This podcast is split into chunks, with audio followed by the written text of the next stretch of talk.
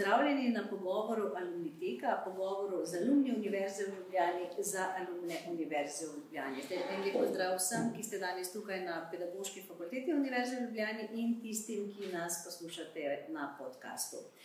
Na spletni strani Ministrstva za delo, družino, socialne zadeve in enake možnosti piše. V Sloveniji so posameznice in posamezniki varovani pred eh, diskriminacijo, ne glede na spol, narodnost, raso, etnično poreklo, jezik, vero, prepričanje, starost, spolno usmerjenost, spolno identiteto, izobrazbo, premožensko stanje ali družbeni položaj. Načelo enakosti je temeljna človekova pravica in svoboščina, zato se trudimo, da omogočamo enake možnosti posameznic in posameznikov na različnih področjih bivanja in sobivanja kot so enakost med spoloma, varstvo pred diskriminacijo, enake možnosti v znanosti in drugo. No in danes se bomo pravzaprav pogovarjali o tem, ali imamo res vsi enake možnosti. Zato so z mano profesorica dr. Vesna Leskošek z Fakultete za socialno delo Univerze v Ljubljani. Lepo pozdravljeni. Hvala.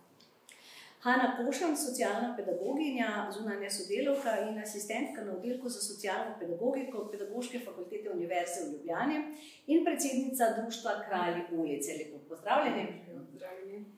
In docent dr. Žan Lep, psiholog z oddelka za psihologijo Filozofske fakultete Univerze v Ljubljani. Dobrodošli tudi vi.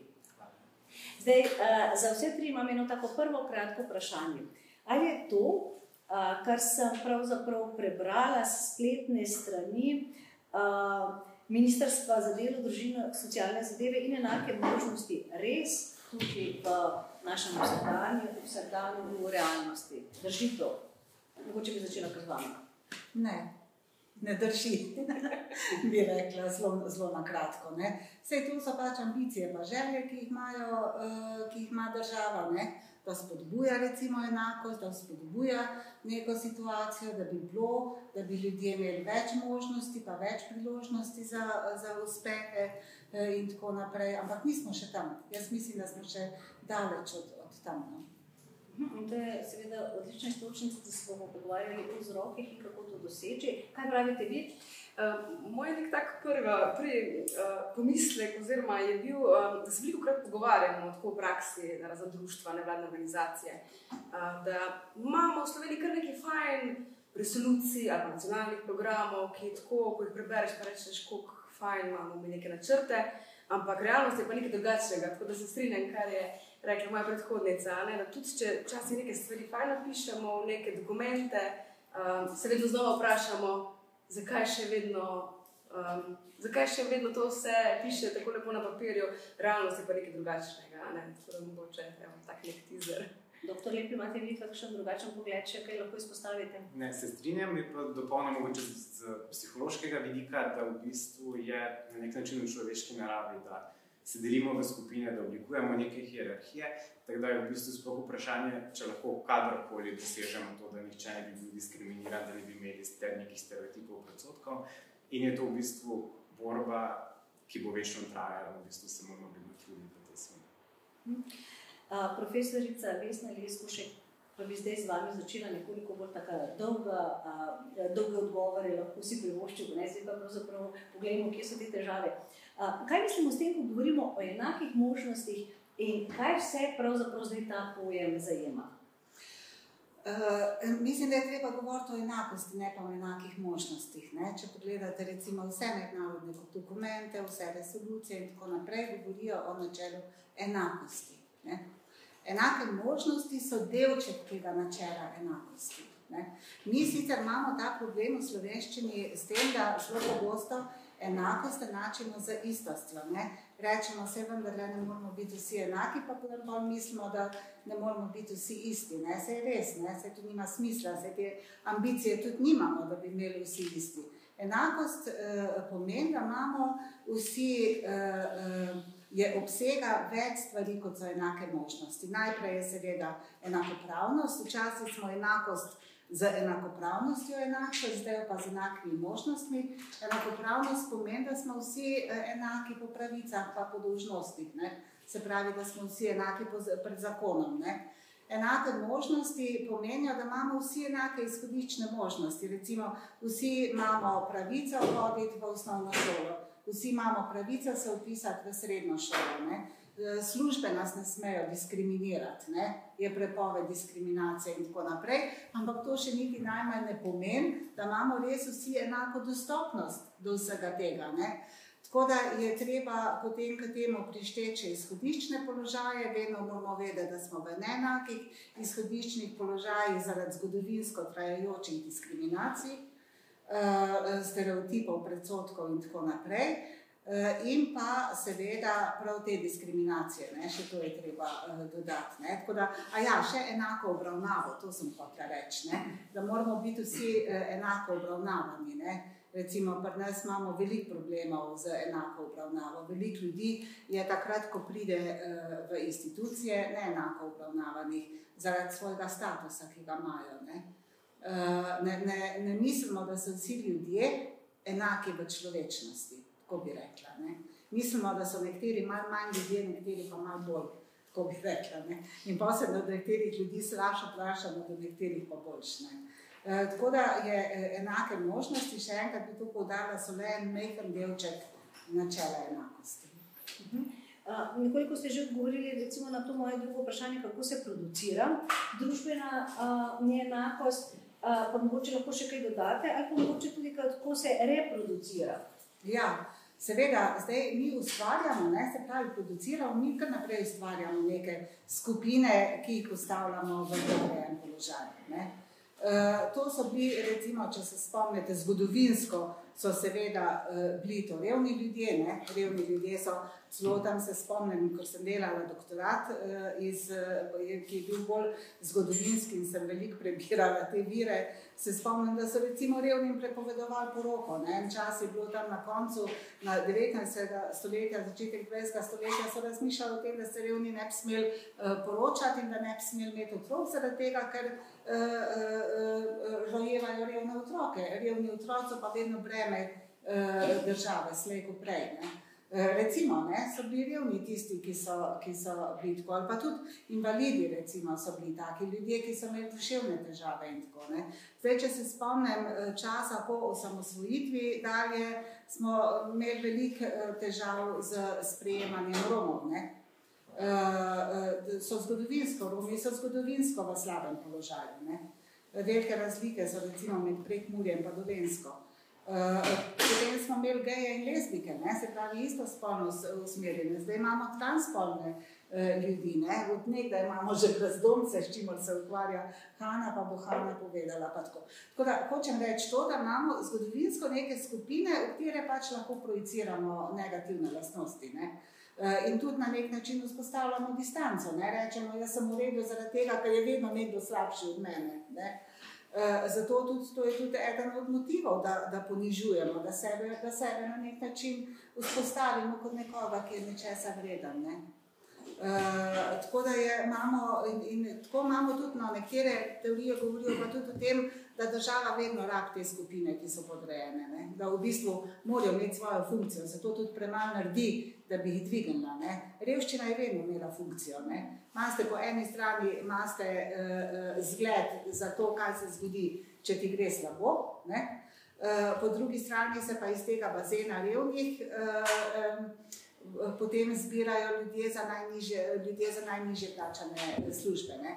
Zdaj, bolj kot si reven, manj kot ti država pomaga, bolj si izpostavljen tem prekarnim situacijam, družbenim prekarnim situacijam. Ne? Tako da, če pogledate te službe, kaj so službe, ki so najniže plačane, potem je zelo težko, da bi tam našli nekoga, ki je, ki je eh, bogat, ne, ki je eh, ali pa vsaj srednjega razreda. Ponavadi ljudje, ki so res najbolj spodaj po družbeni lestvici, opravljajo za zelo nizek denar. Ne. Tako da v tem smislu ima revščina tudi neko družbeno funkcijo. Ne. Eh, seveda reproducira, ne, se pravi, obnavlja se pa z temi našimi prepričanji, ne, ki jih zelo negujemo. Ne. Mi zelo negujemo slaba prepričanja o, nek, o nekih skupinah ljudi. Ne zelo hočemo, da te, da te skupine ljudi ne bi imele enakih pravic in ne bi bile na, v enakem položaju kot mi. Uh, Hanna Košan, uh, čisto tako neposredno vprašanje, kdo je kriv za brezdomce? Kako lahko, uh, kaj bi odgovorili na to vprašanje? Veliko krat ljudje rečemo, vsi so si sami krivi. Ja, um, se mi zdi, da pač vseeno tako skozi leta, kar delujem na tem področju, se ta, tako, imam ta občutek, no, da se ta neka individualna odgovornost pa, ali pa individualna krivda vseeno malo zmanjšuje. Ampak po drugi strani, pa tako v istem hipu lahko ljudje rečejo, um, da razumete te težke situacije, ampak se hitro klopi ta neoliberalna logika, pa rečemo, vse, če bi se pa dovolj potrudil, bi pa mu lahko uspelo, pa če bi, lahko, če bi dovolj uložil v neki, bi pa lahko uradil, ne, ne, ista izhodišča za vse, pa to ne drži. Ne. Tako, da, tako se mi zdi, da je malo nekaj takega paradoksa. Smo na eni strani malo hočemo uklesti to individualno krivdo pod odgovornost, po drugi strani pa še vedno govorimo o tej, nekaj za moje pojme, floskule, da rečemo, vse vsi imajo iste priložnosti v življenju, pa ni res. Ne. Tako da veliko krat, če čisto tako rečem, čez neke mm, teorije in tudi prakse, kateri sem pač že deset let, so to neke. Ljudje imajo neke osebne okoliščine, ki jih potem v povezavi z nekimi družbenimi strukturami, z nekim družbenim dogajanjem, ne, nekako um, porinejo v to, um, v bistvu najizrekla, da neko naj, mislim, kako se že rekla, brezdomni so že od nekdaj nekje tam zelo dol, zelo nizko, zelo odrinjeni. Tako da v bistvu mogoče so neke osebne okoliščine, ki same po sebi ne bi vodile v brezdomstvo, ampak če so to neke strukture, ki, ki v bistvu to še samo dodatno reproducirajo, pa dajo to na nek piedestal, potem se pač zgodi človek lahko brezdomstvo. Um, mogoče še ta ena stvar. Um, Veliko krat tudi, um, mogoče bomo o tem še kasneje govorili, ampak zdaj sem pomislila na to, um, tudi ko so ljudje v nekih takih težkih pozicijah, življenjskih, recimo, ne, um, kaj manjka, tle tudi neke družbene strukture, ki niso ujele uh, posameznika. Torej, če so bile neke osobne okoliščine, ki so lahko za nekoga zelo uh, rizične ali pa neke tvegane situacije, ne, potem je strukturni dejavnik, ki so tle zatajili, ki niso podprli. Veliko krat so ljudje tudi, če imamo, pa govorimo o neki socialni državi so vsi ljudje, ki so prihajali v naše društvo, so padli skozi to mrežo, ki naj bi ujela nek posameznik, ko se znajde v neki težki situaciji. Torej, smo nekaj tle odpovedali, da so ljudje pristali na dnu te brezdomstvo. Uh, doktorica Leskošek uh, je prej omenila, da naša prepričanja reproducirajo pravzaprav družbeno neenakost. So to recimo tudi uh, stereotipi in predsotki. Te kako pa pravzaprav nastajajo, doktor Lek? Ja, če lahko moče se vrnem, pa malo repliciram uh, na kolegici. Ljudje imamo radi neke zgodbe o uspehu in v bistvu tudi neka norma v tem našem ne, individualistični družbi, recimo, vodi k temu, kaj pomeni biti dober, uspešen. Um, in te zgodbe zelo hitro opazimo, hkrati imamo pa problem z tudi življenjem v situaciji drugega. In se nam zdi, da ja, zakaj se ne bi bolj potrudili, tudi jaz sem se kdaj potrudil, pa mi je kaj v življenju vrtalo. Po drugi strani, pa tudi ljudje na nekem družbenem dnu odrinjeni čutijo tudi neke psihološke posledice, ki jih ovirajo pri tem, da bi um, sami, poleg seveda vseh strukturnih uh, okoliščin, izplavali oziroma nekaj splezali po tej lestvici na vzgor. Um, neka naučena nemoč, uh, lahko se pojavijo neki anksiozni simptomi, depresivni simptomi, ki jih potem uh, ovirajo. Zdaj, če se vrnem k vašem vprašanju, um, ljudje imamo mislim, v naši ulici je preveč nekih državljanov um, in si jih poskušamo na različne načine zorganizirati, da lahko ta socialni svet, v katerem živimo, v bistvu razumemo. Um, in ko posplošimo neke predstave o nekih kategorijah ljudi, recimo, rečemo lahko temu stereotipi, torej, ne vem, slovenci smo um, marljivi. Um, in to potem apliciramo na vse slovence. Zdaj, seveda, stereotipi ne morejo nikoli držati, ker tudi če najdemo na tisoče mrljivih slovencev, moramo najti samo enega, ki um, raje leži na kavču in se nam ta stereotip poruši. Zdaj, stereotipi so lahko pozitivni, ne? slovenci smo mrljivi, lahko so negativni, torej neka, um, recimo, pripadniki neke narodnosti so leni, ali pa ne vem, suhi ljudje so zdravi. Um, ni pa nujno, da, tiste, da se do teh stereotipov na nek način opredeljujemo. Ne? Lahko recimo rečemo, da Srbi so um, gostoljubni, ampak nikoli ne potujem v Srbijo, ne poznam nobenega Srba, mi v bistvu to ni pomembna informacija, to je samo informacija, ki jo imam. Ko pa se do te informacije začnemo opredeljevati, torej pri tem nekem kognitivni predstavi, ki jo imam, gledam afektivno, torej nek, nek čustven naboj, pripadniki nekega naroda so leni. Um, to me zelo moti, zaradi tega, ker moramo mi vsi delati, zato da jih podpiramo, zaradi tega, ker um, pač karkoli si uh, ljudje potem konstruirajo v glavi. se zelo hitro lahko zgodi, da k temu dodam tudi neko željo po nekem vedenju ali pa dejansko tudi izvedem neko vedenje, to je konativni, to so ti tri elementi. Um, v tem primeru pa potem govorimo o predsodkih. Ne? In lahko so um, ti predsodki ostanejo na ravni tega, če bi jaz bil minister, bi ukinil um, neko socialne transferje, lahko pa eskalirajo in v končni fazi pripeljajo ali do neke diskriminacije, nasilja, genocida. Lahko še za primer, recimo, vzamemo nek strah pred tujci. Uh, kako pravzaprav nastane to? Nastane pravzaprav iz enega zelo takega pozitivnega uh, čustva, lahko rečemo čustva. Um, ja, različni izvori so, lahko so tudi čustveni, ta nek naš, v bistvu, mogoče evolucijsko prirojen strah oziroma uh, vse previdnost pred neznanim, pred tujim. Um, ne zdaj, to je, je lahko ne nujno vedno do ljudi, ampak um, tudi ne, otroci se bodo prestrašili nekega gospoda, ki ga še niso nikoli srečali. Um, in potem uh, v bistvu ti neki negativni stereotipi o tujcih ali predsodki do tujcev po nek nekaterih teorijah v bistvu izhajajo iz, iz tega nekega strahu in potem obstajajo strategije, da zmanjšujemo v bistvu predsodke na način, da povečujemo poznanost. Ne. Um, nek, neki, neke druge teorije pravijo, da gre za legitimacijo sistema, um, ne, torej, da, da rabimo neke skupine, zato da se mi boljše počutimo, da ohranjamo status quo.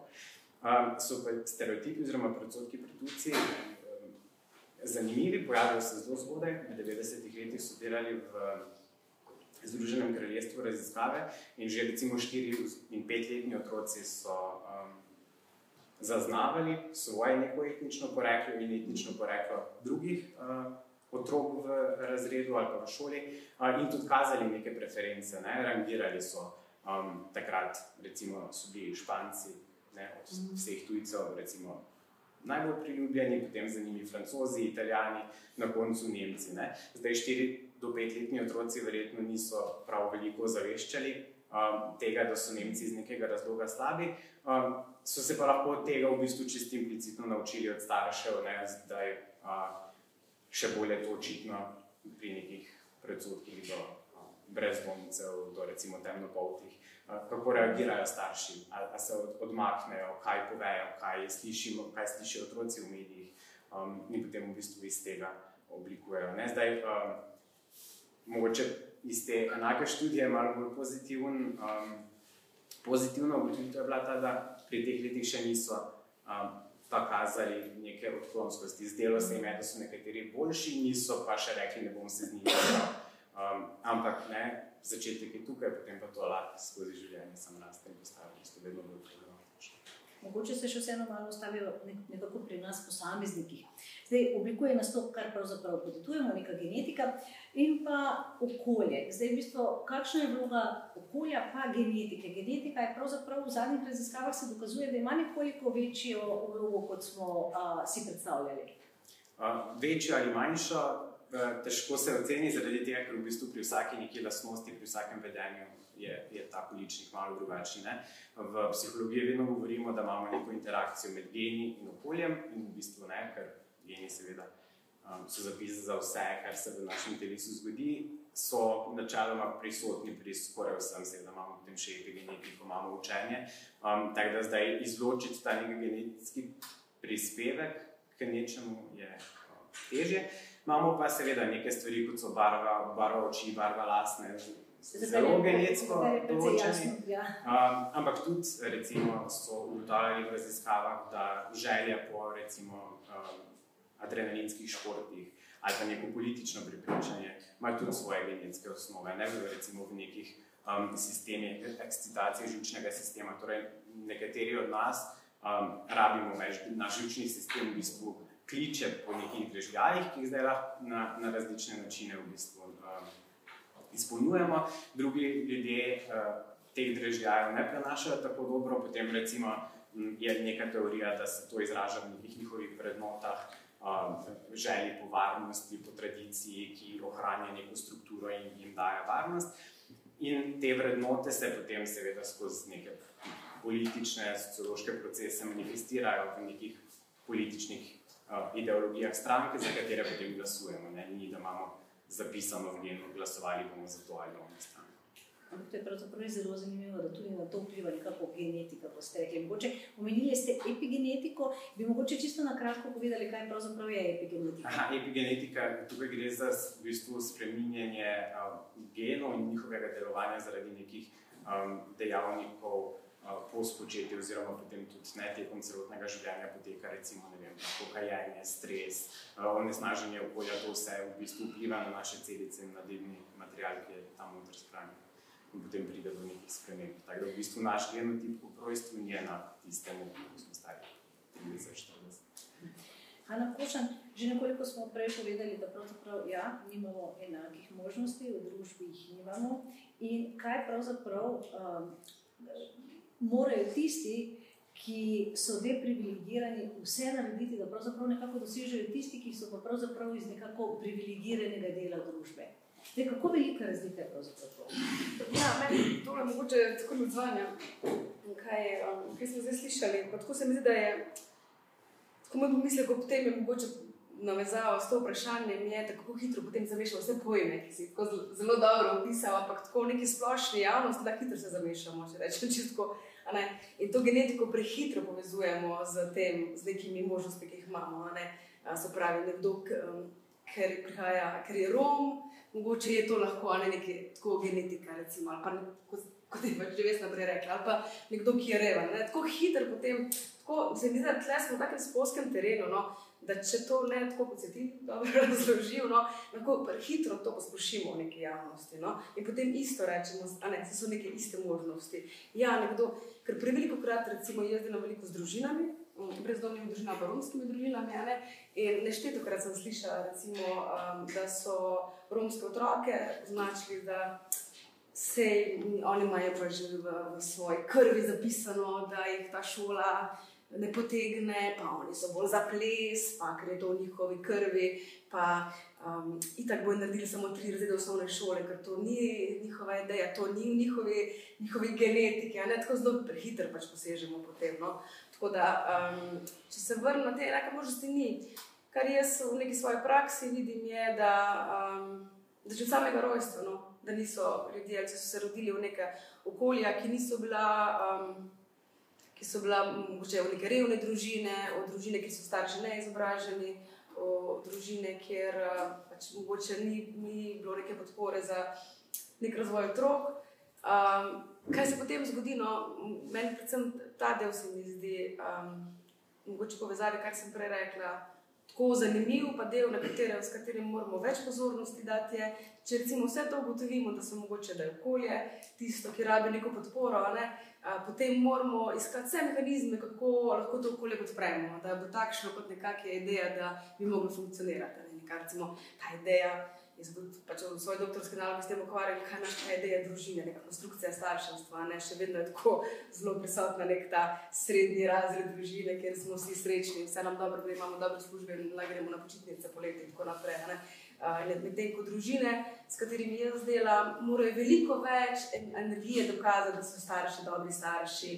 Če recimo mi kdaj, za, ne vem, naše otroci zaspijo v šolo, reče se nekaj, imate, imate gužvo. Pa, pa ne vem, starši, da ne pridemo na govorilne, pa reče, oh, nimate časa, ko imate toliko tako karijere, pa mužmo. Če te moje mame ne pridajo na sestanek, rečejo, da so neresne mame. Tako da, hočem reči, z te pozicije vedno gledamo iz te perspektive. Včasih veliko več moramo dati v. Um, Morajo ljudje veliko več nekakšne energije vložiti, veliko več dokazovanja, da rečemo, da lahko te neke enake možnosti dosežejo. Mogoče je tako zelo se mi je zelo zanimivo povedati. En tak zelo uh, nov primer je, spremljam eno družino, ki uh, je šla hčerka ravno v prvi razred. Uh, oni so uh, starši, ne govorijo dobro slovensko, govorijo albansko. Uh, deklica zelo dobro govori slovensko, um, zelo je brihtna, že tako bere. In, to. in je učiteljica poslala mail, da, da, ja, da je bilo že prvi dan težko starši, da je malo skrbi, kako bo to šlo tako je malo v tem menu bolj jasno, kako bo deklica naredila prvi razred, ker se morajo starši veliko vključevati v šolo, a ne starši nimajo drugače izobrazbe, imajo tri leta osnovne šole narejene, kot so neke vasi, urbanje. In smo že, in ta učiteljica je že nekako pokazala, da mogoče deklica pa ne bo mogla narediti neko običajno osnovno šolo, ker je tle veliko potrebno velikega angažmaja staršev, ki pa temu mogoče ne sledijo. Torej, mi smo že napisali pot te deklice, da mogoče bo bolj, da gre ne vem, centrijane za levca ali nekje, kjer bojo mogoče to lahko zmogli. Ne? To je neka realnost, s katero se mi srečujemo. To je v bistvu, če lahko eh, sam dodam, da tudi nevarno je, okay, po eni strani, ker se to mešanje v bistvu usili tudi v znanstveni diskurs, ne? ali pa se vleče iz naftalina neke študije, ki so bile vržene, ki govorijo, da so neke rase manj inteligentne, imajo manjše potencijale, kakorkoli. In na drugi strani, da v bistvu tudi ne smemo govoriti o, neki, o nekem trudu posameznika, ki se mora truditi, to, to, da prelagamo odgovornost samo na njega.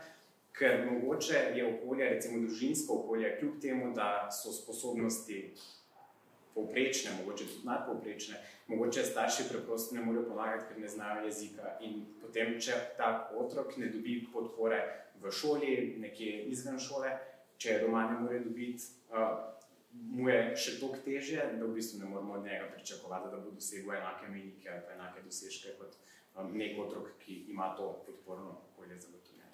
Pravzaprav ste s tem primerom a, zelo lepo opisali nekaj, kar pa pravzaprav sem prepričana, da vsi kdaj počnemo. Vsi kdaj ocenjujemo druge ljudi in že nekako kar mislimo, kaj bodo storili, a, vidimo njihovo zgodbo vnaprej, samo zato, ker pravzaprav si nekaj domišljamo, zato ker mislimo, da jih poznamo, da pravzaprav vemo, kdo so, kaj in kako bodo recimo reagirali. Um, Lahko samo en komentar na to, no, mogoče tako paradoksalno, ampak tako, včasih je tako pri brezdomstvu hočejo tako uspešne zgodbe, pa ljudi, ki so se malo zrihtali, pa jim je uspelo, ne, tako veliko krat mediji hočejo. Ne.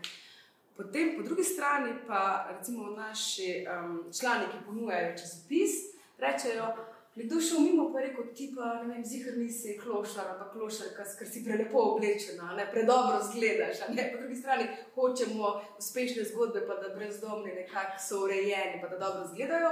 Po drugi strani pa ne bomo dali, ne bomo nekoga recimo kupili časopis, ker ti pa zihar nisi pravi klošar. Ne, tako mogoče, kako hitro treba. Pa spet ne smemo. Ja, tako no. Ja, mi moramo skozi zdržati določen imič nekoga, ki je ja. Ker takoj, ko ta, ki je podrejen, spremeni svoj imič, pa ni več v skladu s tem, kar mi mislimo, da mora biti, ne, uh, potem poruši nas, našo sliko, poruši nek, nek red, ki smo si ga ustvarjali. Ne. Če recimo, uh, jaz se spomnim uh, tega, te situacije, ne vem, če se boste spomnili, to smo brali, ko je bila vojna v Bosni. Ne. Uh, seveda je bil vse, veste, kaj pa se lahko hujšega zgodi kot, kot to. Ne. Eh, in takrat so eh, ženske pripovedovali zgodbe o tem, eh, kako so se naličile in oblekle, ko so šle ven. Ne? Zaradi tega, ker so hotele čutiti neko svoje osebno dostojanstvo. Ne? In so prav govorili o tem, kako so, so neki dogodki bili, kako so na nek dogodek v času vojne šle, naličene in, in lepo oblečene. Ne? In potem so jih zahodni mediji uh, so pomenševali vojno, če si pogledate, se tako le ljudje dobro izgledajo, zdaj kakšna vojna pa je to, če tako le dobro izgledajo. Uh, kak bi moral biti ta prava žrtev vojne, čist bi morala biti porušena, morala bi biti skirana, suha uh, in tako naprej. Isto za brezdomci, kakšna kak je, kak je slika brezdomca. In to sliko mi moramo vzdržati. Uh, takoj, ko je odmik od te slike, je drugačne. Recimo, za, za eno zanimivost, uh, Eh, pred parimi leti je bila najpametnejša deklica z najvišjim uh, inteligenčnim kvocijentom v Veliki Britaniji, Rominja. Rominja iz enega od teh, od teh travelerjev uh, je bila, ni bila niti, to ni bila niti družina, ki bi bila srednji razred, ampak bili so travelerji, ona je začela že računati, ko je bila stara dve ali tri leta. Ne? Že to zelo, zelo mlada, pisala je že takoj, pa tako naprej, v tem pač romskem naselju. Ne. Uh, imela je to srečo, da so jo prepoznali, pa zaznali, pa tako, ne, tako da pol je zelo hiter napredovala. Mogoče se še lahko malo dotaknemo revščine. Vi ste tudi raziskovali, kaj pomeni pravzaprav živeti v revščini. Yeah. Uh, mogoče lahko poveste malo nekaj tudi o tem. Uh, ja, revščina je, um, to je tako zahtevno, bi rekla, da se vsi zelo uh, mislite. Ne? Revščina je, je neko, neko stanje uh, iz, iz tega, dlje, tako bom začela. No? Zdaj se sicer ukvarjam veliko z revščino starih ljudi. Uh, imam jih en temeljni projekt, uh, na temo revščine, življenjskih potekov revščine starih ljudi. Ne? Uh, uh, mogoče samo še to, vse te uh, diskriminacije in tako naprej vplivajo na naše življenjske poteke. To, da ima nekdo do nas predsodek, da ima nekdo do nas nek stereotip, ki nas postavlja v določen položaj, direktno vpliva na to, kako mi v vsakdanjem življenju živimo. V kakšnih okoliščinah, kako, kak je naš življenjski potek. Ne? Se pravi, to, kaj drugi ljudje v nas mislijo, mi moramo živeti, to je naša usoda. To, to pogosto spregledamo, ko imamo te predsotke v drugih ljudeh. In v revščini je zelo, zelo uh, podobno. Ne? Uh, revščina še ni tako zelo nevarna za ljudi, ki lahko hitro iz nje pridejo. Ne? Recimo, ne vem, se spomnim, uh, pred, uh, da ne bom zdaj predolga, ker revščina je moja tema, pa lahko govorim to jutri zjutraj. Se spomnim, pred parimi leti se spomnite, ko je prevent šel v stečaj. Na Koroškem ne? je šel prevent v stečaj. Naslednji dan po stečaju, naslednji dan ali v parih dneh, ali kaj, se je začela šola. Uh, in so, zbirali, so že zbirali uh, denar za otroške potrebščine, ker te mame in očetje iz preventa, ki so bili na minimalni plači, takoj potem, ko so službo izgubili, niso imeli dovolj denarja, da bi svojim otrokom kupili šolske potrebščine. Kaj to pomeni? Da če živiš na minimalni plači, Ne? Nimaš, nimaš možnosti imeti prihranke. E, ti lahko minimalno plačo porabiš za sprotne stroške. Ne? E, če ti pa recimo že gre v težavah, so ljudje že, če, če jim recimo se pokvari pravni stroj, imajo, imajo že veliko težavo. Ne? Je treba že kredit vzeti in, in tako naprej. Ne? In revščina je to, se pravi, če ti skoživiš uh, na nekem minimumu, To pomeni, da nimaš nobenih sredstev okoli, da ti nimaš nekega nakupičenega premoženja ali pa nakupičenega bogatstva, ne? ampak živiš iz, iz rok v usta. In dlje časa, in če živite tako kratek čas, je še v redu, ne? ker imate še mogoče televizijo, pa še v redu, pa še en star avto, mogoče, ko ste ga prej kupili. Dlje časa, ko živite v revščini, manj imate. Zaradi tega, ker to, kar država daje, je absolutno premalo, da bi človek lahko preživel. Absolutno premalo. Denarna pomoč 480 evrov za posameznika mu ne dovoli, ne omogoča življenja. Tako da dlje časa, ko je človek eh, v revščini, eh, manj ima in kaj to pomeni, da se bolj odmika od, od družbe. Ne? Da je bolj osamljen, da, da je tudi zaradi tega, ker to čutite kot sramoto, ne hodite ven, nimate dovolj denarja, da bi šli na kavo s prijateljico v, v kavarno. Ne? In tako se počasi odmikate ne samo od življenja, ampak tudi od informacij, od spretnosti, nimate več spretnosti in, in tako naprej. Ne? In je vedno teže, dlje časa, kot ko živite, teže je prideti uh, v središče. In bolj začnete, kar, kar je pa tragika vsega tega, je pa to, da bolj začnete živeti v skladu s tem, kar, kar ljudje v vas govorijo, pa mislijo.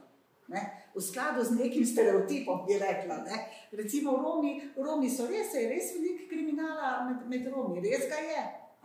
In res imajo, imajo v teh romskih naseljih res težke odnosi, velike nasilja in na otroci in nad, nad ženskami. In, in tako naprej. Zakaj? Zaradi tega, ker ljudje, ki dlje časa živijo v takem getu, ne, izven družbe, ki, ki niso deležni eh, tega, da bi, da bi enako živeli kot ostala družba, morajo začeti ustvarjati svoje strukture. To vsa geta tako delujejo. Noter so svoje pravila in svoje strukture. Ne? Uh, in to je ta težka usoda, to je ta težka usoda in revščine in te dolgotrajne diskriminiranosti in tako naprej, ker ste v zadnji. Zdaj mogoče sam še oprostite, da sem predolga, sam še to besedo, pa me ni treba pa še kaj vprašati. Uh, uh, uh, Eh, še tole moram povedati. Eh, eh, ene pa raziskav kaže, da gre najboljš na svetu tistim državam, ki, naj, ki imajo največjo stopno enakosti. Da so najbolj uspešne države z najvišjo stopnjo enakosti, najmanj pa uspešne države z zelo visoko stopnjo neenakosti. Eh, zato je recimo Združene države Amerike ena izmed najmanj uspešnih držav na svetu, po vseh indeksih. Ne? Oni imajo blazno slabo zdravje. Ja, ja, kar pejte gledati, Wilkinson in Piket sta zelo dobra referenca. Uh, po teh uh, indeksih uh, uh, imajo sicer zelo veliko bogatih ljudi, pa, pa veliko, ampak drugač imajo pa ogromno ljudi z blazno slabim zdravjem, slabo dostopnostjo do izobraževanja in tako naprej. Najuspešnejši je pa kdo skandinavske države, praviloma, ker imajo najviše stopno enakosti. No, danes bi morali biti zelo pravičujem. Ne, ne, ne, ne, ne, odpadem. Um, zelo zanimivo je, kar ste povedali. Danes bi morali biti z nami uh, tudi Diana Matkovič, uh, prevajalka, uh, pisateljica. Uh, pred kratkim je izdala knjigo, ki je pravzaprav postala prava uspešnica, zakaj ne pišem. In ona je izjavila, da je revščina nasilje, ki producira novo nasilje. In pravzaprav nekaj podobnega ste pravzaprav opisali. Ja, seveda, če živiš v revščini, se moraš znati po svoje. Uh -huh. uh, omenili ste skandinavske države, ki, jim, uh, ki so najuspešnejše pri tem, da imajo recimo, največ enakosti. Uh, pa bi vprašala vas, Hanna Kušan, Finska je tista, ki je pravzaprav uspešno zmanjšala število brezdomcev. Nam lahko razložite, kako? Ja, Finska je v bistvu edina država v Evropi, kjer število brezdomnih pada. In, um, do par mesecev nazaj so zelo severino govorili, uh, da jim bo to uspelo do leta 2030, da bodo dosegli to functional zero, se pravi, ta neka funkcionalna ničla, vedno bo nekdo brez doma, ampak to pomeni, da je nekdo brez doma in pride v zavetišče in v roku 14 dni že imamo neko rešitev. Zakaj sem to rekla? Ravno sem bila prejšnji teden tujini z finskimi kolegi. In se blazno bojijo, kaj se je zgodilo z menjavo vlade. Um, zelo se ta se kar si vedno rekla, se zelo oža, neka blaginja, neke, neka socialna država se krči tam. No, in so res, recimo, kolegi, ki delajo v organizacijah na finske, mi zelo skrbi, že režejo um, finančna sredstva, nevladne organizacije, ne gre, ni ideja več, da bojo gradili in tako naprej. Ravno, ker prej, kako jim je to uspelo, je, da um, so resnično začeli s to idejo, da je treba uh, ne samo upravljati z brezdomstvom, ampak je treba preprečevati brezdomstvo. In ta ideja, oni so v svoj nacionalno, imajo nacionalno strategijo na področju brezdomstva, kar je v Sloveniji še vedno nimamo. Um, se pravi, prav nek nacionalni program, ki bi rekli, kako se bomo zdaj tega lotili, to v Sloveniji ne obstaja. Uh, in njihovem nacionalnem programu je zelo močen ta stanovanski del, ta stanovanska politika, ne? ta koncept housing first, ki pravi, Stanovanje je osnovna človekova pravica, to ni nekaj, kar si ljudje zaslužimo, pa moramo se dovolj potruditi, pa to ni neko blago. Čeprav to vse vidimo na naši grozni nepremičninski trgi, ampak to ni nekaj, s čimer trgujemo, ampak to je osnovna človekova pravica in to moramo vsem ljudem zagotavljati. Potem pa seveda so osebe, ki potrebujejo mogoče več podpore. Klej pa pride ta koncept housing first, ki pravi, če nekdo rabi več podpore, da živi samostojno ali pač da si nekako ureja življenje, da bi podporo, ki jo potrebuje. In, um, in oni so začeli zelo namensko, tudi ta preskok so naredili, nima več ta staircase model, ki ga v Sloveniji še vedno sledimo. Se pravi, gremo za vrtišče in potem samo za vrtišče, pa potem moram najti službo, pa potem ne vem, moram odpraviti odvisnost, pa potem si zaslužim stanovanje. Oni obrnejo in rečejo: ne, najprej rabim stanovanje, najprej rabim podporo, potem pa se jaz lahko uredim službo, pa ne vem vse, vse ostalo, kar želim. V bistvu tako zelo se mi zdi, ko pomislimo, da je težko si ti v zavetišču, spiš, ker osem ljudi je stava v sobi ali pa spiš na klopci, pa rečeš, da bom pa jutri šel na razgovor za službo. Mislim, to je tako. Um, tako da, no, to je njihova bila. Oni so namensko začeli graditi stanovanja, um, ta stanovanska politika je postala taka, mislim, gradi za vse, potem pa tisti, ki rabijo neko podporo, tisti, ki rabijo neke druge načine. Um, podpore in pomoči, neke storitve in dobijo v skupnosti. Mogoče to pomeni v skupnosti. Pa se vam zdi, da bi pravzaprav ta model lahko enostavno preslikali na Slovenijo? Bi to delovalo pri nas? Um, zelo zanimivo je bilo, enkrat sem tudi sodelovala v neki, um, nekem pogovoru, kjer uh, je nekdo, ki je že dlje časa se ukvarja na tem področju, tudi iz Tunisa, no, ki že dlje časa spremljajo tudi eh, situacijo v Sloveniji, smo Finska in Slovenija, kar se tiče števila brezdomnih, pa nekih programov, ki smo jih imeli, pa neke ideje, kako bi se tega lotili, smo bili zelo podobni. Potem pa je minilo zdaj 10-15 let, pa se mi zdi, da v Sloveniji so mini, minimalni premiki. No? Medtem ko so oni z neko odločitvijo, da, kako, na kakšen način se bodo tega lotili, a ne kompletno spremenili zadevo. Tako je tudi, te finske kolege vprašam, kako, kako je to mogoče, ker zato ker si reče, da nas to ni mogoče. Pa vsi tako zelo preprosto rečejo, zato ker smo se mi tako odločili, ker se je država tako odločila, ker pač je bila to odločitev, ki smo jo sprejeli, ne, to ni bilo nekaj. Um, nekaj, kar se je pač samo samo per se zgodilo. Tako da odločitev je bila potrebna. Ne? To pomeni, da ja, ta model bi lahko tudi pri nas deloval, bi ga lahko prenesli, če se seveda odločimo. Če, ja, a, predvsem zato, ker je število brezdomnih Slovenije še vedno dokaj nizko. Če primerjamo z drugimi. Z drugimi državami v Evropi so številke res grozljive. V Sloveniji so za moje pojme grozljive številke in raste, in vsak, mislim, da res raste. Je številka približno 10 tisoč. To je neka tako zelo groba ocena. No? Um, tako da, ampak ja, približujemo se bolj 10 tisoč kot 5 tisoč. Uh, že da je tak podatek, vem, v dnevni center Društva Kralje Unice je lansko leto, se pravi, to je neka prva stopna točka, kamor prideš, uh, vstopilo skoraj tisoč ljudi. To je v bistvu, če pa tri leta nazaj, pa ta številka nekih 500-600. To je grozljiv porast v 3-4 letih. In tudi na ulici je vedno več vidnega brezdomstva, ko hodimo po Ljubljani, ne vidimo veliko ljudi, ki spi zunaj. Tako da številke so male, ni pa tako. Zdaj sem bila v Bruslju in hodiš po tem Bruslju in je. Tako, rekla, smo v tem srcu Evrope, ljudje pa jim otroci spijo po ulicah. V Sloveniji tega še ni. Če bi mi z neko odločitvijo kako se tega lotiti, bi lahko v bistvu hitro rešili ta, ta problem, če bi bila neka volja. No. no, mi smo še povedali, recimo, kdo pravzaprav so brezdomci. Brezdomci, brezdomni, pravzaprav niso le tisti, ki nimajo svojega doma, ampak tudi tisti, ki recimo nimajo varnega doma, ki nimajo stalnega doma. Kaj pravzaprav vse razumemo pod uh, imenom brezdomni?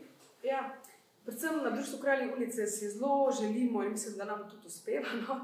Um, predstaviti in zagovarjati ta etos, kot je ta um, mednarodna tipologija na področju brezdomstva, ki ravno to govori o tem, da brezdomni ni samo tisti, ki spi na ulici ali pa v zavetišču ali pa v nekih ne vem, zapuščenih hišah ali pa v mostorjih, ampak tudi ljudje, ki so v bistvu živijo v nevarnih, netrajnih namestitvah, torej osebe, ki so tik pred deložacijo, osebe, ki ki je recimo to, kar se je tudi zgodilo v času epidemije in zdaj se veliko dogaja, če nimaš najemne pogodbe, lahko lastnik se jim odloči, da te vrže na cesto. Um, zakaj je to pomembno razumevanje? Zato, da mi snujemo prave politike na tem področju. Samo, da se ne ukvarjamo, kot sem rekla, samo z upravljanjem brezdomstva, ker lahko vedno znova gasimo požare, pa bojo te požare samo še, samo še višji in višji, ampak da da se ukvarjam tudi s preprečevanjem. Zato je ta definicija zelo pomembna. Včasih kar pozabimo neke skupine ljudi, recimo pogosto so ljudje, ki so v nekih institucijah. K nam pride ljudje po odpustu iz zapora, ko rečemo, da so bili v zaporu, pa se je zgodila resocializacija, pride iz zapora, nimajo denarne socialne pomoči, urejene denarnega prihodka, ne morejo se pač vrniti recimo družinam, grejo na cesto. Ljudje, ki so v psihiatričnih bolnišnicah, ženske, ki so v varnih hišah in, ne more, in nimajo potem nekega neke varne strehe nad glavo. In tem se moramo, se moramo zavedati, da so to osebe, ki lahko postanejo, če tako rečem, dramatično tudi čez noč, ne brezdomne. Profesorica Liskošek, pravzaprav zdaj živimo, ali pa mogoče pravzaprav vprašanje za vse. Živimo v obdobju novih tehnologij, umetna inteligenca. Koliko pa so pravzaprav tudi te nove tehnologije tiste, ki spet nekako producirajo neenakost. Uh, absolutno se, se z vami strinjam, če je to uh, namen vašega vprašanja. Res je, uh, da, da imajo ljudje z, novi, z novimi tehnologijami veliko težav. Ne? Recimo ljudje, ki živijo bolj v teh severnih državah in imajo veliko podpor pri učenju novih tehnologij, ne, uh, jih lahko obvladujejo tudi starejši, ne? zaradi tega, ker imajo veliko podpor, vedno imajo pa tudi dvojne sisteme, ne? sisteme, uh, kjer moraš nekaj peš narediti, pa uh, sistem, ki je digitalno. Torej, imate vedno izhod. Če ne poznate digitalne tehnologije, sistem ne, lahko še vedno na star, klasičen, tradicionalen način nekaj naredite. Vam bom uh, en primer uh, povedala, kako, uh, kje smo v Sloveniji. Ne? Zadnjič sem šla v eno parkirno hišo, tle v Ljubljani, uh, se tako dol predeljem in pred mano je bil en uh, star gospod v avtu. Ne? Uh, in očitno je bil prvič v parkirni hiši in ni znal, ni vedel, kako se to dela. Ne? In nikakor ni uspel, nekako, ta prvi je ta gumb iskal, ni vedel, kje gumb mora pritisniti, da bo eno kartico dobil in tako. Potem je le nekako to našel, pa, pa, ni, pa se mu pa rampa ni odprla. Uh, in, in je, uh, to je trajalo na deset minut, da se je on boril, zares boril, potem je bil vse prepoten. Eh, živčen do konca in tako se je boril za to mašino in za, za rampo. Tu smo mi. Mi smo pri tem, da stari ljudje v Sloveniji ne obvladujejo uh, garaže. Kaj šele, da bi obvladovali, seveda, šli pomagati, pa tako pa je bilo vse v redu. Ne? Upam, da je ven v redu prišel, da se rampa pač odpre drugačne. Uh, ampak tu smo mi, kaj šele, da bi ljudje obvladovali naročanje k zdravniku. Eh, elektronsko. Ne? In zdaj v sedanjem času, tako tako veste, da mi v sedanjem času se ne pogovarjamo več v službah z ljudmi. Mi se pogovarjamo z mašinami. Ne? Uh, imate neke telefonske številke, kjer imate vedno, vedno neko, neko mašino. Ne? Uh, vaše, seveda, vaše, vaše zdravje in, in vaša osebnost, in tako naprej, se pa računa po algoritmu. Ne? Eh, te službe vas, brez da bi govorili z vami, na nek način spravljajo v neke predale, diagnosticirajo in tako naprej z, z algoritmi. No, in seveda v takem stanju imajo ljudje, ki nimajo nič, ki so nevešči, ki ne, ne poznajo računalnikov in tako naprej, zelo velike težave. To se je pokazalo recimo v času COVID-a eh, pri šolanju otrok. Koliko staršev ni mogli podpirati svojih otrok pri šolanju zaradi tega, ker ne obvladujejo, nimajo in ne obvladujejo. No, če se lahko tudi navežem, ja. mi smo um, na Pedagoškem inštitutu, kjer uh, sem tudi zaposlen, uh, so v času uh, pandemije izvajali v bistvu neko študijo uh, o, tem, kakšne so bile v bistvu te motnje in potem, ko smo računali, smo poskušali oblikovati neke profile učence. Obstajajo tisti učenci, ki recimo doma niso imeli podpore in je niso imeli tudi v šoli in njihovi izidi so bili slabši. Imeli smo pa tudi uh, učence, ki recimo doma podpore niso imeli, niso imeli dostopa do interneta, do opreme, so pa zato dobili oporo v šoli in je ta opora jim v bistvu pomagala, da so dosegli um, boljše rezultate, ne, če se spet vrnemo um, v bistvu pomenu nekega okolja, ki mora uh, podpirati in v bistvu nam omogočati, da uh, preidemo te neke omejitve. Ta epidemija je vplivala tudi na brezdomne, ne? ostati bi morali doma, oziroma mi vsi smo morali ostati doma, oni pa nimajo doma. Ja. Um, tako je se spomnil tega, ko sem šla tako tretji dan v pisarno, v celodnevni center in tako edino, mislim, kako sem novici, so bili kralji, kraljice ulice, ne, tako res takrat se mi je to tako res, to se me je zelo, zelo dotaknilo, tako sem res dojela, da, da, da, ja, da to stari doma je zelo težko. Ja, Meni, predvsem zdaj, po vsem tem času, je takrat, um, se mi zdi, da je to tako, um, se veliko te govorilo, pa objavljalo, ne ta hashtag, ostali doma, pa brezdomni. In takrat um, sem tako res imela ta nek občutek, da, da smo se zdaj pa mogoče res naučili, da zdaj pa to, ki je evidentno, da so ljudje zunaj, ko smo se vsi zaprli v svoje, svoje hiše in so eni ljudje zunaj, pa dogajalo se je, da so potem, da je nekdo klical, da je tam nekdo na klopci spi, pa je policija hodila, najprej pisala kazni, zato ker smo bili v našem varnem zavetju. Um, na drugi strani so pa ljudje bili zelo podporni, no, so takrat dobili zelo veliko podpore. Um, Se mi zdi, da se bo nekaj zgodilo, no? da je ta, imeti dom to pomembno v nekih takih razmerah. Um, pa mislim, da smo že pozabili na to. Um, mogoče še povezavi s tem, ni takrat v času epidemije, no? to, kar, se, kar ste že zagovornika rekla, se je začelo vse to elektronsko naročanje. Ne?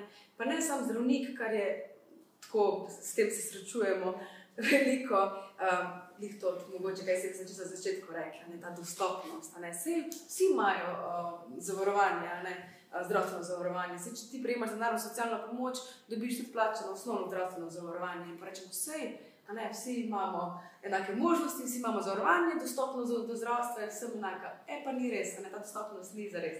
In že, že prej, pred epidemijo, je zdravstvo ni bilo dostopno za brezdomne in ostale um, tako odrinjene skupine ljudi, v času epidemije je bilo pa to sploh.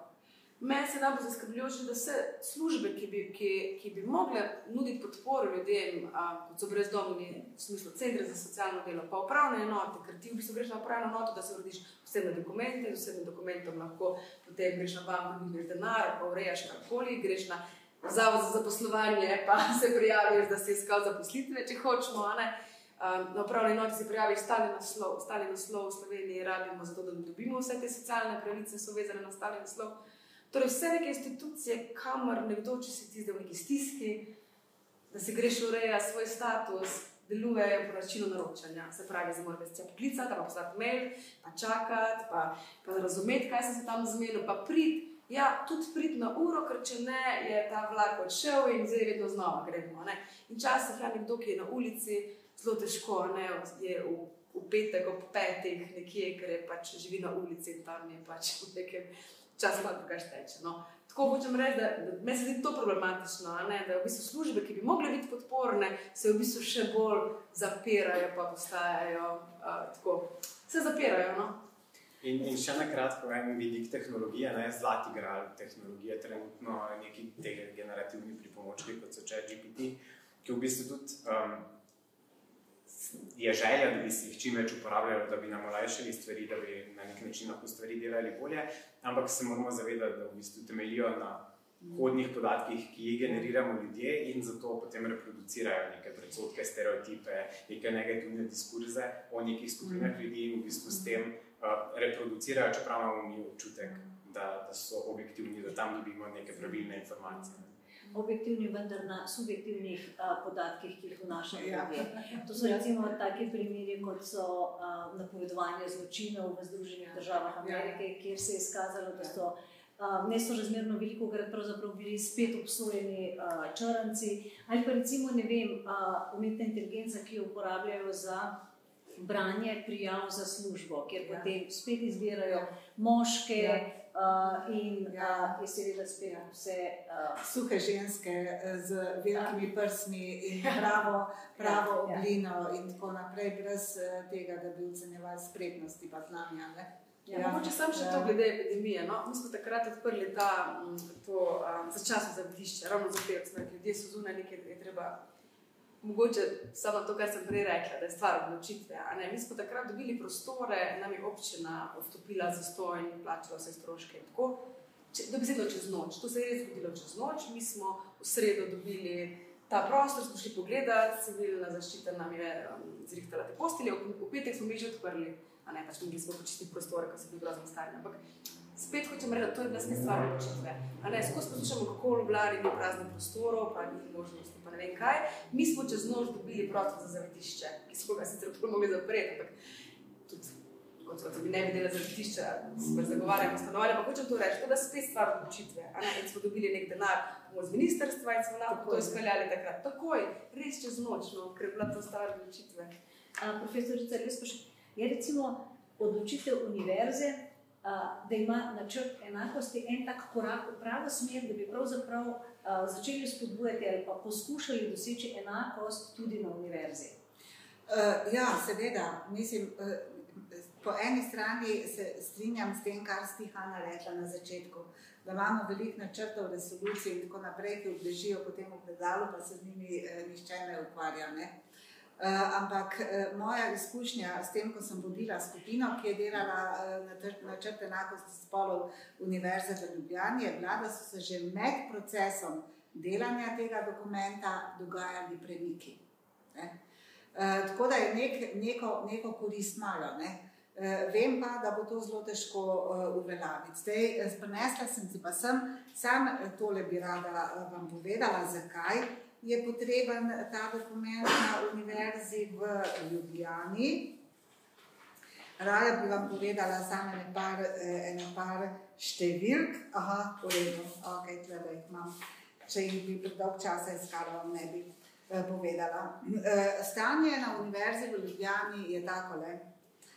Mi smo imeli v zgodovini, in to so podatki iz leta 2021, v zgodovini Univerze v Ljubljani smo imeli eno rektorico in 44 rektorjev. Eh, med časnimi doktorji in časnimi doktoricami v Ljubljani, eh, Univerze v Ljubljani, so štiri ženske in 89 moških. Eh, med časnimi senatorji in časnimi senatorkami je ena ženska in 39 moških. Zlato plaketo je do leta 2021 prejelo 50 žensk in 193 moških. Med zaslužnimi profesorji in zaslužnimi profesorji je 62 žensk in 437 moških. Eh, pomembna umetniška priznanja je 56 žensk in 82 moških. Ne. To je dosta velik razlog, saj imamo potem še zelo veliko nesorazmerje na Univerzi v Ljubljani, Eh, pri plezanju po nazivih na vzgor, ne pri pridobivanju nazivov. Mi smo kar dobri pri številu docentk, uh, odvisno sicer od, od fakultet, ne, na nekaterih je malo več, na nekaterih malo manj, ampak docent je že kar nekaj, doktor imamo že več kot moških, ne, doktorira na leto že več žensk kot moških. Uh, uh, ampak uh, takrat, ko dobijo službe, obtičijo na docentkah, ne, ker se rapidno niža potem število uh, do izrednih profesorc, uh, do rednih profesorc, pridejo pa zelo redko. Uh, mislim, da jih je samo še tretjina, tako nekako. Ne. Vse te številke imam tudi, ampak ne bom vam to brala. Uh, tako da so te neenakosti na Univerzi v Ljubljani zaradi pač zelo tradicionalnega akademskega okolja uh, zelo, zelo vidne. Ne. Še hujša je situacija, zato je seveda jasno, da smo ta načrt naredili, v katerem imamo tudi konkretne, zelo konkretne uh, ukrepe, uh, navedene za naslednjih pet let, ki jih morajo uh, urediti univerze. Ne? No, še slabša, še slabša situacija je pa na Slovenski akademiji znanosti in ja, umetnosti. Ja, ja, to pa niti, tega vprašanja pa niti ne bomo odpirali. Ja. Recimo, mi smo tisti, ki nekako tudi. Um, Eh, oblikujemo sliko realnosti. In tudi v medijih se veliko krat pojavljajo največkrat moški. Uh, in recimo BBC je pred kratkim začel en pomemben projekt, vse sama tako mislim, kjer so pravzaprav začeli šteti goste, ljudi, ki jih vabijo v program, na katere pravzaprav ne morejo vplivati. Se pravi, če je predsednica vlade ženska, pač povabijo žensko, oziroma če moški moškega. No, vse, ki pa pravzaprav lahko vplivajo, pa so uh, pa so začeli šteti in ti odstotki so bili na začetku neverjetni. Recimo, uh, odstotek moških je bil bistveno večji. In ko pravzaprav enkrat prešteješ, mm. Šele vidiš, uh, kje smo. Sicer nekako ja. mislimo, da je medijski svet uh, neka realna preslikava uh, naše vsakdanjosti, pa pravzaprav kdaj tudi ni. Tako da tudi jaz sem štela pri svoji oddaji ženske in moške. In lahko vam povem, da je bil na začetku odstotek 70, 60, 40 ali pa 70, 30. In pravzaprav me je to presenetilo, da sem jaz tista, ki uh, povabi ljudi. In jaz mislim, da je prva stopnja tista, da se začnemo problema zavedati, potem pa pravzaprav začnemo iskati tudi rešitve. Eh, lahko samo en, en delček tega problema je tudi to, da so večkrat v medijih postavljeni moški znanstveniki in jih javnost bolj pozna. In takrat, ko mediji vabite nekoga, povabite tega, ki je v javnosti bolj znan. Zadaj za tem imate pa lahko v isti raziskovalni skupini zelo pomembno znanstvenico z zelo velikimi dosežki in tako naprej, ki pa medijsko ni izpostavljena in ni znana. Ne? Tako da je vedno potem ja. treba začeti iskati, ne? treba se zanimati, treba začeti. Ko se začnemo zavedati ja, problema, ja, ko se nekako ja. tudi res sprašujemo te stvari. Um, še eno vprašanje bi imela pravzaprav za vse tri. Včasih pa pridemo do uh, pozitivne diskriminacije, ko pravzaprav nekoga izberemo samo zato, ker je iz neke manjšine, ker je predstavnik manjšine, ker je tujec, ker je lahko rečemo tudi ženska.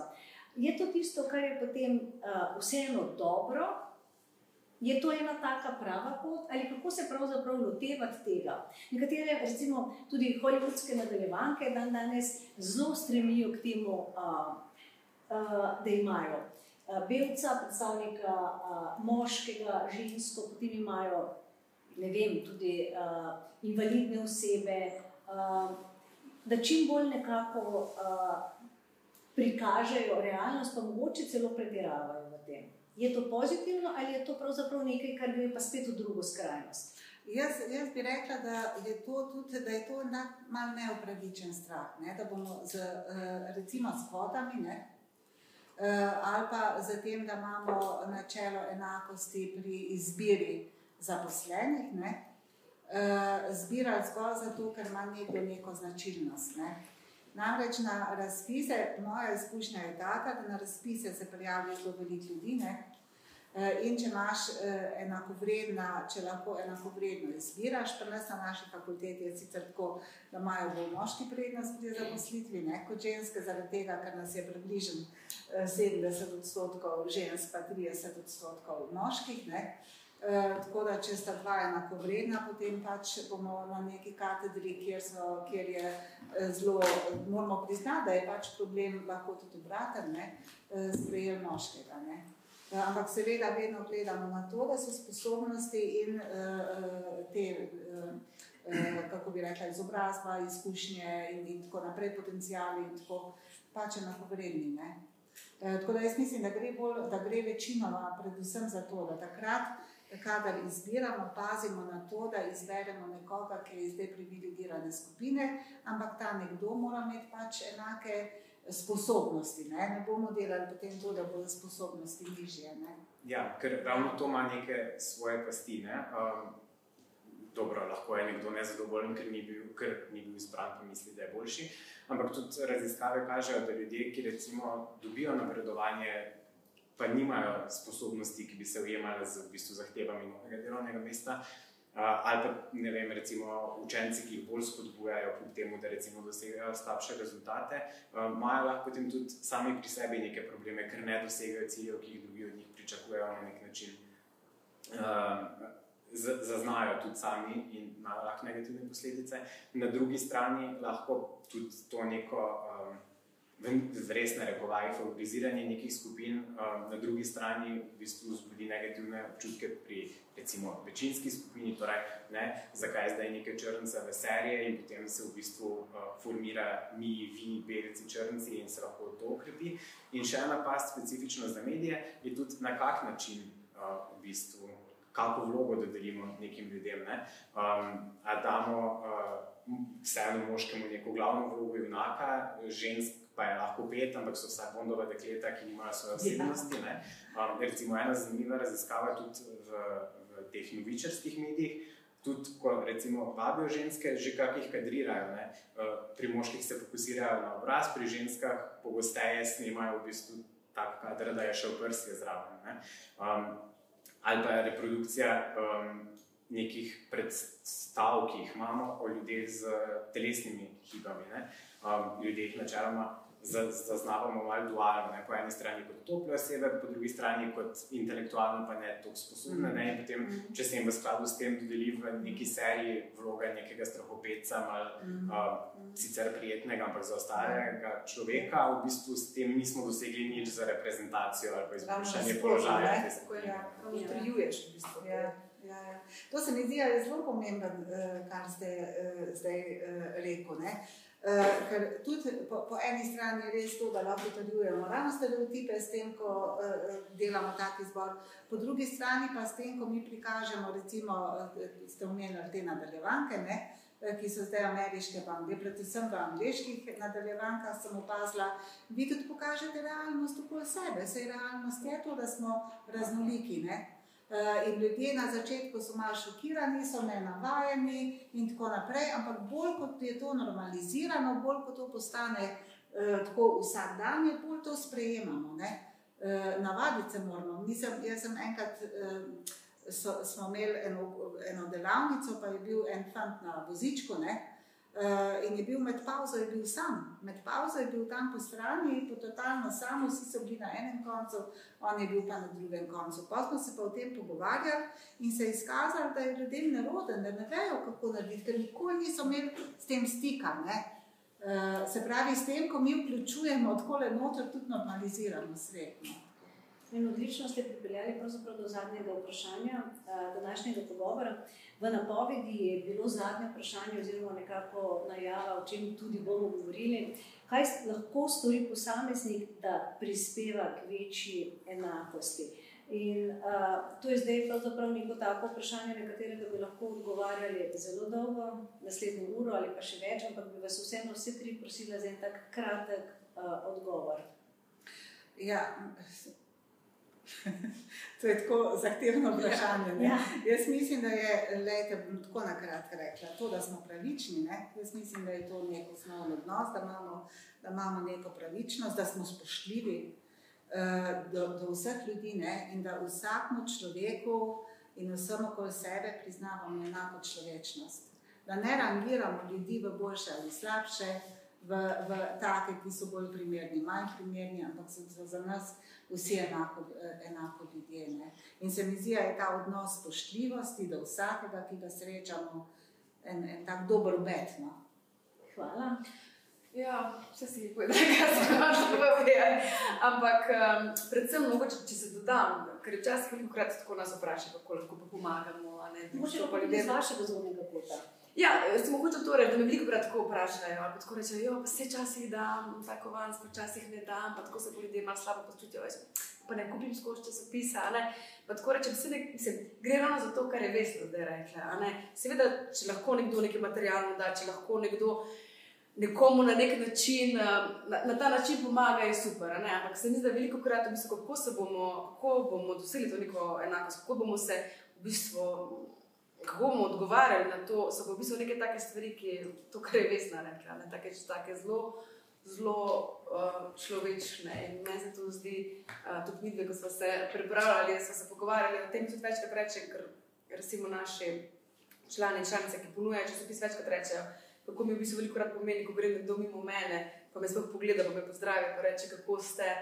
Um, um, Sveda to ne bo zdaj rešilo svet, ampak koliko je v bistvu ta, da da neko dostojanstvo, nazaj neko človečnost, da reče, jaz sem, nisem zdaj tam samo nekdo, ki stoji v kotu in nobene opazi, ampak sem tudi človek, človek pa človek, sem se zdaj ta srečala. Uh, tako, tako da jaz. Doktor Lepši. Jaz, če naj ostanem na nivoju, uh, kaj lahko naredi posameznik, bi se kar vrnil odgovoru na prvo vprašanje. Ne? Da se zavedamo, da vsak od nas ima neke predsotke, stereotipe, uh, vsak diskriminira, zdaj je to eksplicitno ali implicitno. In v bistvu to, da se zavedamo tega, da na nek način reflektiramo v nekih situacijah, tudi razmislimo, zakaj ne. Sicer, recimo, nimam nič proti priseljencem, ampak bom šel raje po drugi strani ceste. Um, in kaj mogoče je za tem, in da so ti strahovi, neke grožnje, karkoli pač znamo upravičene, ali niso in potem od tam mm. gradimo naprej. Najlepša hvala vsem trem za pogovor. Um, pogovarjala sem se s profesorico dr. Lesno Leskošek, Hanno Košan, docentom dr. Žanom Lepom, um, moje ime pa je Renata Dacinger. Najlepša hvala vsem, ki ste nas poslušali do konca in vsem, ki ste bili danes z nami.